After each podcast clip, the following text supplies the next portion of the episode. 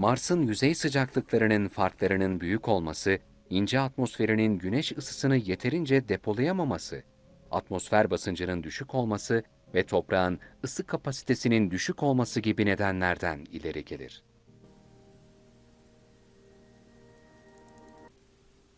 Mars, dünyanınki gibi bir yörüngeye sahip olsaydı, eksen eğikliğinin de benzeşmesi sayesinde mevsimleri de dünyanınkilere daha benzer olacaktı.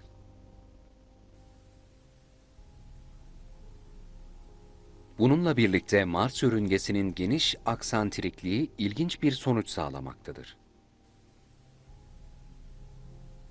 Mars, güney yarımkürede yaz, kuzey yarımkürede kış olduğu zaman gün beriye yakındır. Güney yarımkürede kış, kuzey yarımkürede yaz olduğu zaman da gün öteye yakındır.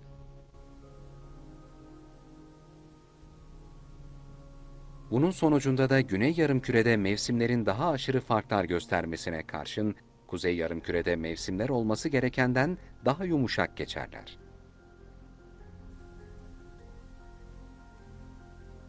Böylece güneyde 30 santigratı bulan yaz sıcaklıkları kuzeydeki yaz sıcaklıklarına kıyasla biraz daha fazladır.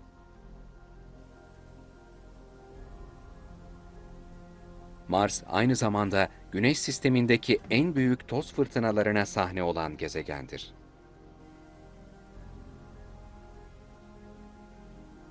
Bu toz fırtınaları mahalli bir bölgedeki küçük fırtınalar biçiminde olabildiği gibi tüm gezegeni kaplar büyüklükteki dev fırtınalar biçiminde de olabilmektedir.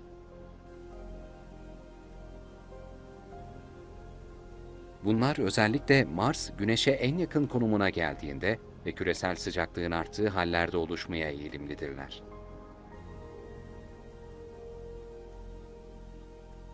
Kutup dairelerinin her ikisi de esas olarak su buzundan oluşmaktadırlar. Ayrıca yüzeylerinde kuru buz da mevcuttur.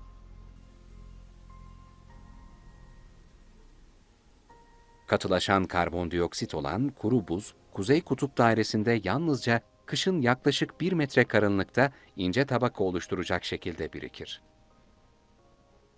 Güney Kutup Dairesi'nde ise bu tabaka kalıcıdır ve kalınlığı 8 metreyi bulur.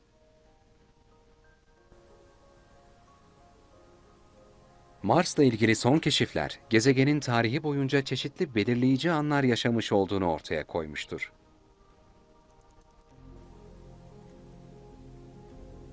Örneğin sıvı su izleri gezegenin atmosferinin vaktiyle bugünkünden daha kalın olduğunu, kuzey havzası izleri de çok büyük kütleli bir cisimle büyük bir çarpışma geçirmiş olduğunu ortaya koymaktadır.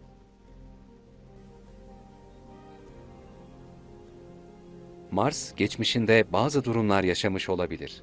Bunlardan bazıları, geçmişte büyük bir uydu iç kısım üzerindeki gelgit etkisiyle kalıcı bir manyetik alanın oluşmasını sağlamış olabilir.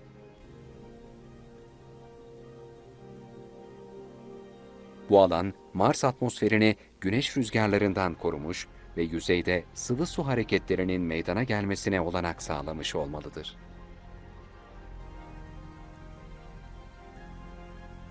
Bu çarpışma yarım küresinin kabuğunun kalkmasına ve atmosfer tabakasının tahrip olmasına yol açmış olabilir.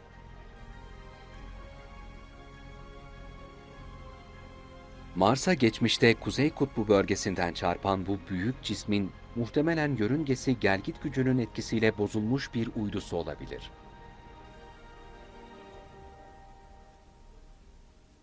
Düşen uydunun artık gelgit etkisi olmadığından manyetik alan zayıflamış ve yüzeye çarpan güneş rüzgarları atmosferin yeniden oluşmasını engellemiş olmalıdır.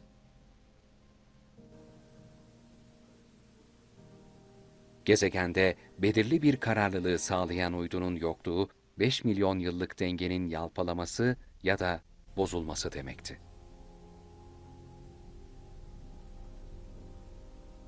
Dengedeki bu bozulma kutup bölgelerinin düzenli olarak ısınmasına, buzların bir parça erimesiyle sıvı suların oluşmasına ve dolayısıyla kutup dairesinde çizgilerin meydana gelmesine neden olduğu tahmin ediliyor.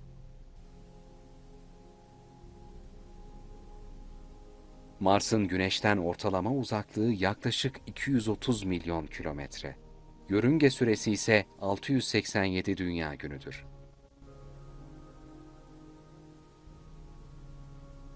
Mars günü, dünya gününden biraz daha uzun olup, tam olarak 24 saat, 39 dakika ve 35,244 saniyedir.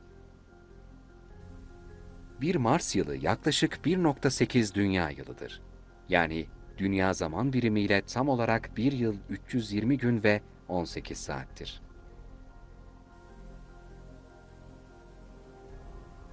Mars'ın eksen eğikliği dünyanın eksen eğikliğine çok yakındır. Dolayısıyla Mars'ta da dünyadakini andıran mevsimler meydana gelir.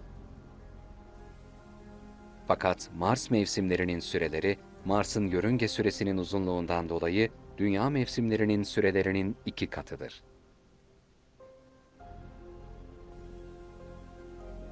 Mars'ın düzensiz biçimli iki küçük doğal uydusu vardır. Kendilerine eski Yunan mitolojisindeki savaş ilahı Ares'e yardım eden çocuklarının adlarından esinlenerek Phobos ve Deimos adları verilmiş, gezegene çok yakın yörüngeler izleyen bu uydular, muhtemelen bir Mars-Troyan asteroidi olan 5261 Europa gibi gezegenin çekim alanına kapılarak uydu haline gelmiş asteroidlerdir.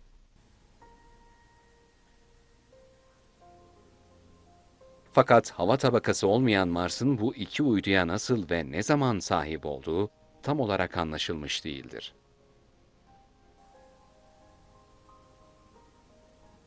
Üstelik bu büyüklükteki asteroidler çok nadirdir. Özellikle ikili olanları.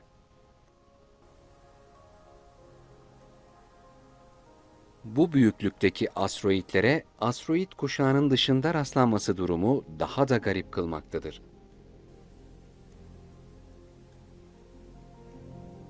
Evrende yaşamın dünyadaki koşullara benzer koşullar altında ortaya çıkabileceği varsayımından hareketle, günümüzde bir gezegenin yaşanabilirlik ölçüsü, yani bir gezegende yaşamın gelişebilme ve sürebilmesinin ölçüsü yüzeyinde su bulunup bulunmamasıyla yakından ilgili görülmektedir.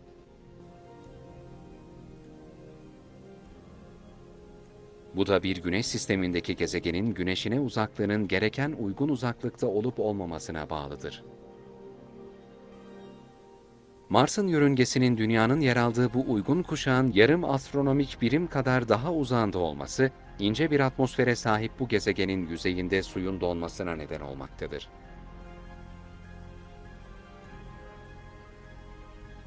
Bununla birlikte gezegenin geçmişindeki sıvı su akışları Mars'ın yaşanabilirlik potansiyeli taşıdığını ortaya koymaktadır.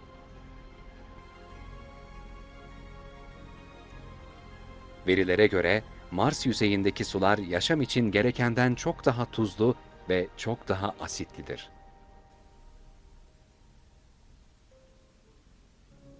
Gezegenin manyetosferinin olmayışı ve son derece ince bir atmosfere sahip oluşu büyük bir handikaptır. Yüzeyindeki ısı transferi pek büyük değildir.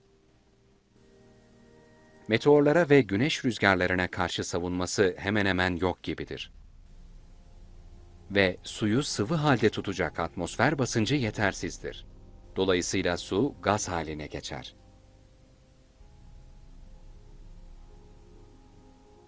Verilere göre gezegen geçmişte günümüzdeki haline kıyasla daha yaşanabilir haldeydi.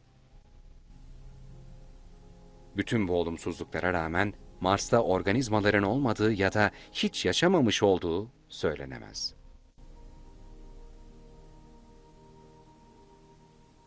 Nitekim 1970'lerdeki Viking programı sırasında Mars toprağındaki mikroorganizmaların saptanması amacıyla Mars'tan getirilen örneklerde bazı pozitif görülen sonuçlar elde edildi.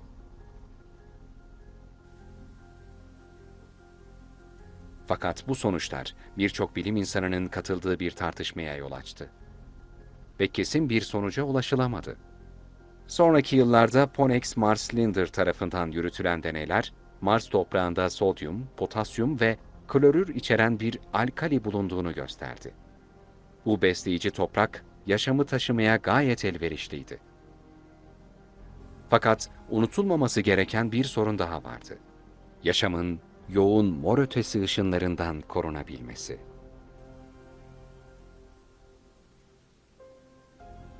Mars'ta biyolojik kökenli oldukları ileri sürülen oluşumlardan en tanınmışları koyu kumul lekeleri adıyla bilinen oluşumlardır.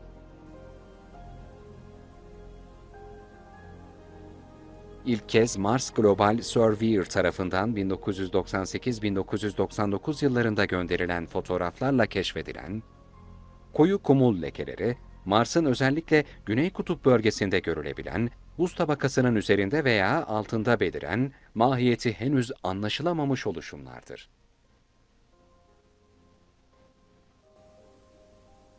Mars ilkbaharının başlarında belirmekte ve kış başlarında yok olmaktadırlar.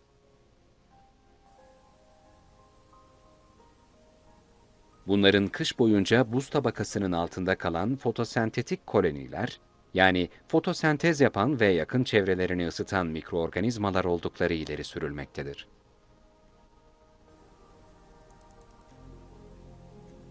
...28 Eylül 2015'te Mars'ta sıvı halde tuzlu su bulunduğu açıklanmıştır.